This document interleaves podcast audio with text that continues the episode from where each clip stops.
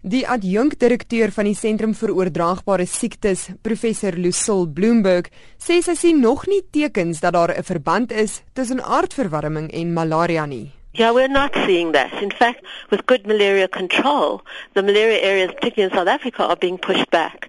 And there is a lot of malaria, intensive malaria control in Southern Africa. And I think there has been a significant decrease in number of cases in the known malaria areas, and it's not expanded to areas where it was not seen before. Dr. Albie de Vry van Travel Doctors stem saam. Maar hy sê in die toekoms kan die situasie dalk verander. Ek dink in breë trek stem ek saam daarmee.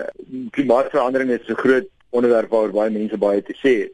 Maar ek dink dit dis tog iets wat ons in aanmerking rol um, neem dat dit wel 'n rol kan speel in die toekoms. En ons weet dat in sekere dele van Afrika het die vlak waarop malaria voorkom bo seespieël 'n bietjie gestyg. Ek dink nie dis te sê dat dit byvoorbeeld in Johannesburg gaan gebeur dat ons sommer net weer 'n endemiese malaria area gaan word nie. Ek dink nie ons is bekommerd wees daaroor. Malaria is weer in die nuus na 'n vrou van Vogwel in Gauteng malaria gekry het en toe daaraan dood is. Bloomberg sê daar is elke jaar gevalle waar mense malaria kry al het hulle nie 'n malaria gebied besoek nie.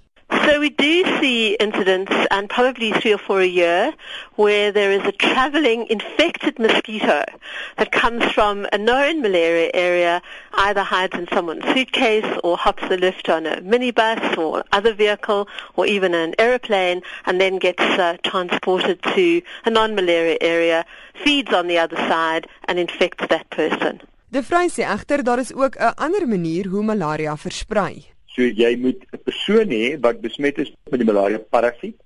Die persoon word dan gebyt deur 'n muskiet wat die parasiet uh, opsuig wanneer hy sy bloedmaal neem. Die parasiet gaan deur 'n uh, ontwikkelingsfase binne in die muskiet, eindig op in die muskiet se speekselkliere en wanneer die muskiet byfie dan nou weer die volgende slagoffer bykom om haar bloedmaal te neem, dan spuit sy die parasiet in die volgende slagoffer in. So die muskiete dra die parasiet, maar mense dra ook die parasiet.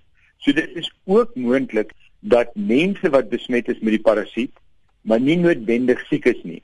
En dis nou tipies mense wat groot geword het in malaria endemiese gebiede, so Mosambikers, Malawiërs, die die mense wat van hoë risiko gebiede afkom, hulle is nie noodwendig siek nie, maar hulle dra die parasiet. Hy sê egter nie alle muskiete kan op dië manier malaria oordra nie daar moet twee dinge saam wees. Daar moet iemand wees wat besmet is en dan moet 'n Anopheles muskiet betrokke wees, want dit is net die Anopheles spesies wat die uh, wat die parasiete kan oordra. So jou gewone huismuskiet, Kilex, hy dra malaria oor. Daar kan by geleentheid op kolle in die omgewing kan daar wel seker muskiete teenwoordig wees.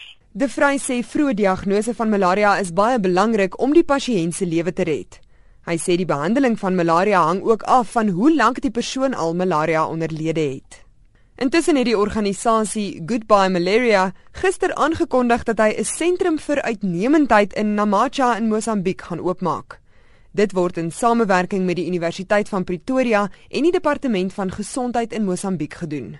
De Vry het die aankondiging verwelkom. Enigiets wat iets daaraan gaan doen om die las van malaria op bevolkingsgroepe of op individue te verminder, moet verwelkom word en moet ondersteun word. Meer hieroor eerskomende maandag in Monitor op internasionale malaria dag.